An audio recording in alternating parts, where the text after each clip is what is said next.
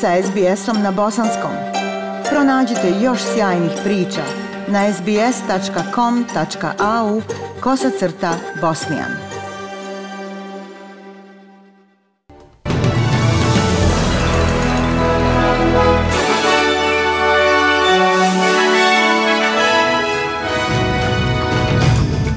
U današnjim vijestima poslušajte.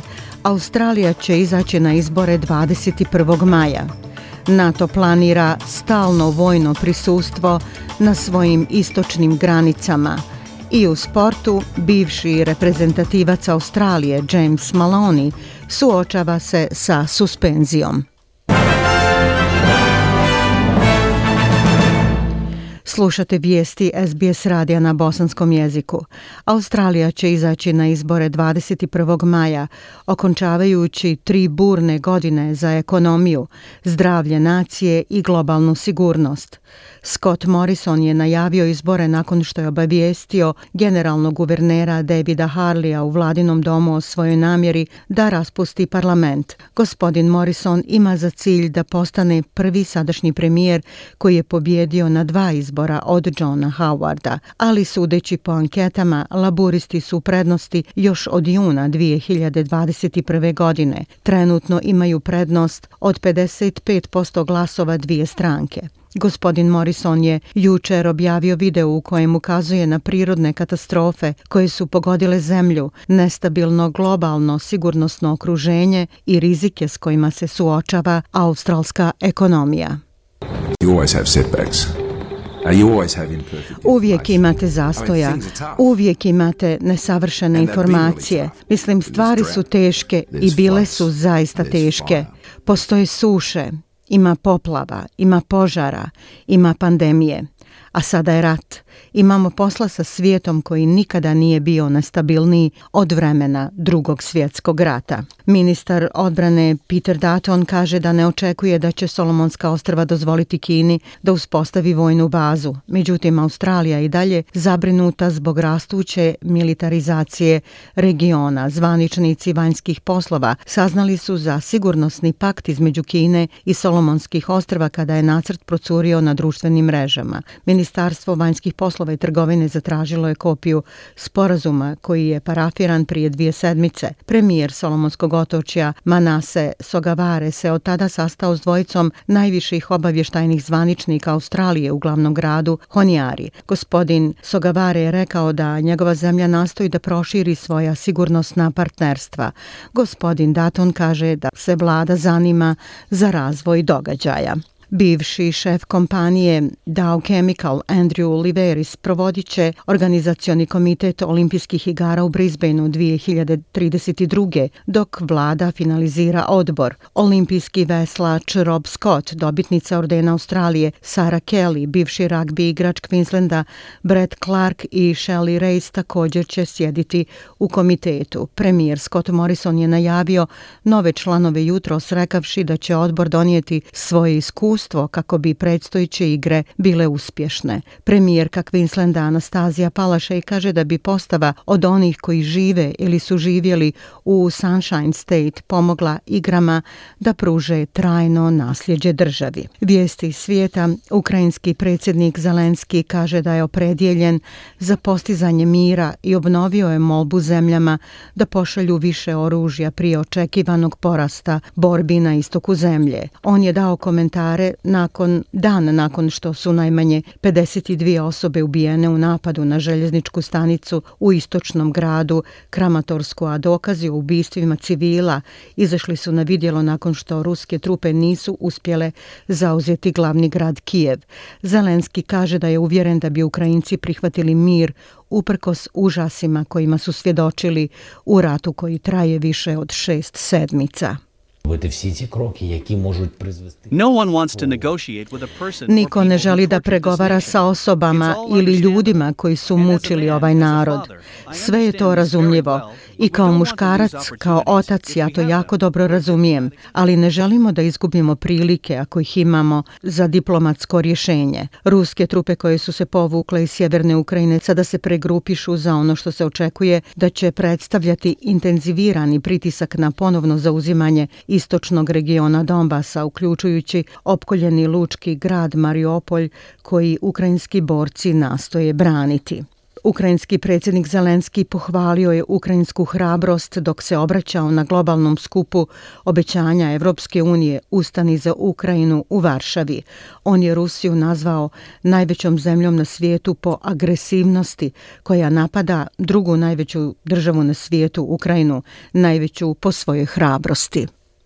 45 days 45 dana punog rata i odbrane od ruskog napada, napada najveće zemlje na svijetu, najveće po svojoj teritoriji, najveće po svojoj agresivnosti, najveće po svojoj nekažnjivosti. Rusko rukovodstvo nije uspjelo objasniti jednu činjenicu, činjenicu da napada drugu najveću državu na svijetu, Ukrajinu, najveću po svojoj hrabrosti. Šef izvršnog ogranka Evropske unije predvodi akciju prikupljanja sredstava za Ukrajinu i ljude koji su pobjegli zemlje. Događaj obećanja održava se u Varšavi jer je više od 2,5 miliona ljudi koji su pobjegli iz Ukrajine od početka ruske invazije ušlo u Poljsku. Događaj ima za cilj da podstakne političke lidere i globalno poznate ličnosti da obezbjede sredstva i druge donacije za narod Ukrajine. Pakistanska politička opozicija svrgnula je premijera zemlje Imrana Kana izglasavši nepovjerenje nakon što su ga nekoliko saveznika i ključna koaliciona stranka napustili. To je saopštio predsjednik Nacionalne skupštine Pakistana.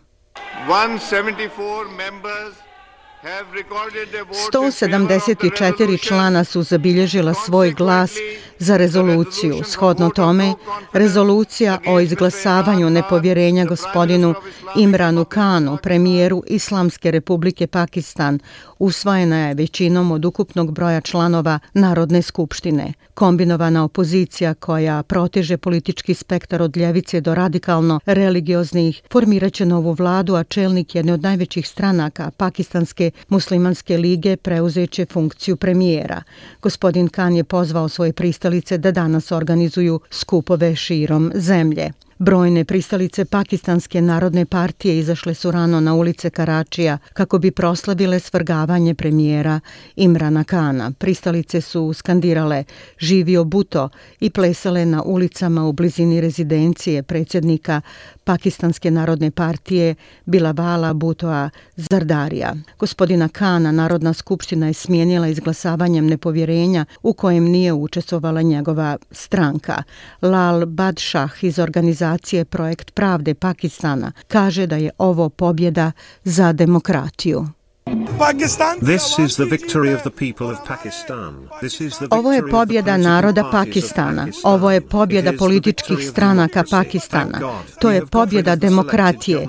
Hvala Bogu riješili smo se odabrane vlasti koja nam je bila nametnuta.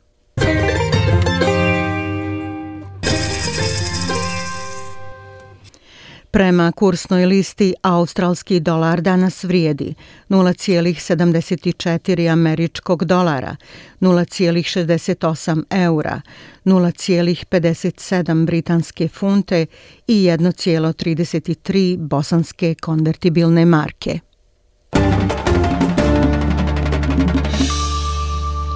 Vijesti sporta, bivši reprezentativac Australije James Maloney suočava se sa suspenzijom iz ragbi lige nakon što je navodno bio pozitivan na zabranjenu substancu u Francuskoj. Francuski list Independent tvrdi da bivša zvijezda nacionalne ragbi lige nije igrala u francuskom elit 1 takmičenju od kraja februara kao rezultat pozitivnog nalaza nakon utakmice za Lezinjan. Nejasno je da li su francuski doping vlasti pregledale Malonijev B uzorak. Maloni se pridružio Lezenjanu u francuskom poluprofesionalnom domaćem takmičenju nakon što se povukao iz profesionalne utakmice sa kataloncima krajem 2021. godine.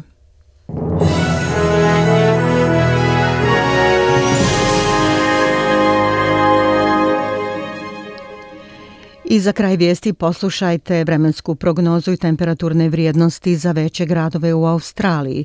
U Pertu pljuskovi 22, u Adelaidu dijelimično oblačno 29, u Melbourneu sunčano 26, u Hobartu 24, u Kamberi oblačno 23, u Sidneju 25, u Brisbaneu oblačno 28 i u Darwinu sunčano 34 stepena. Bile su to vijesti SBS radija na bosanskom jeziku. Ja sam Aisha Hadži Ahmetović. Ostanite i dalje s nama.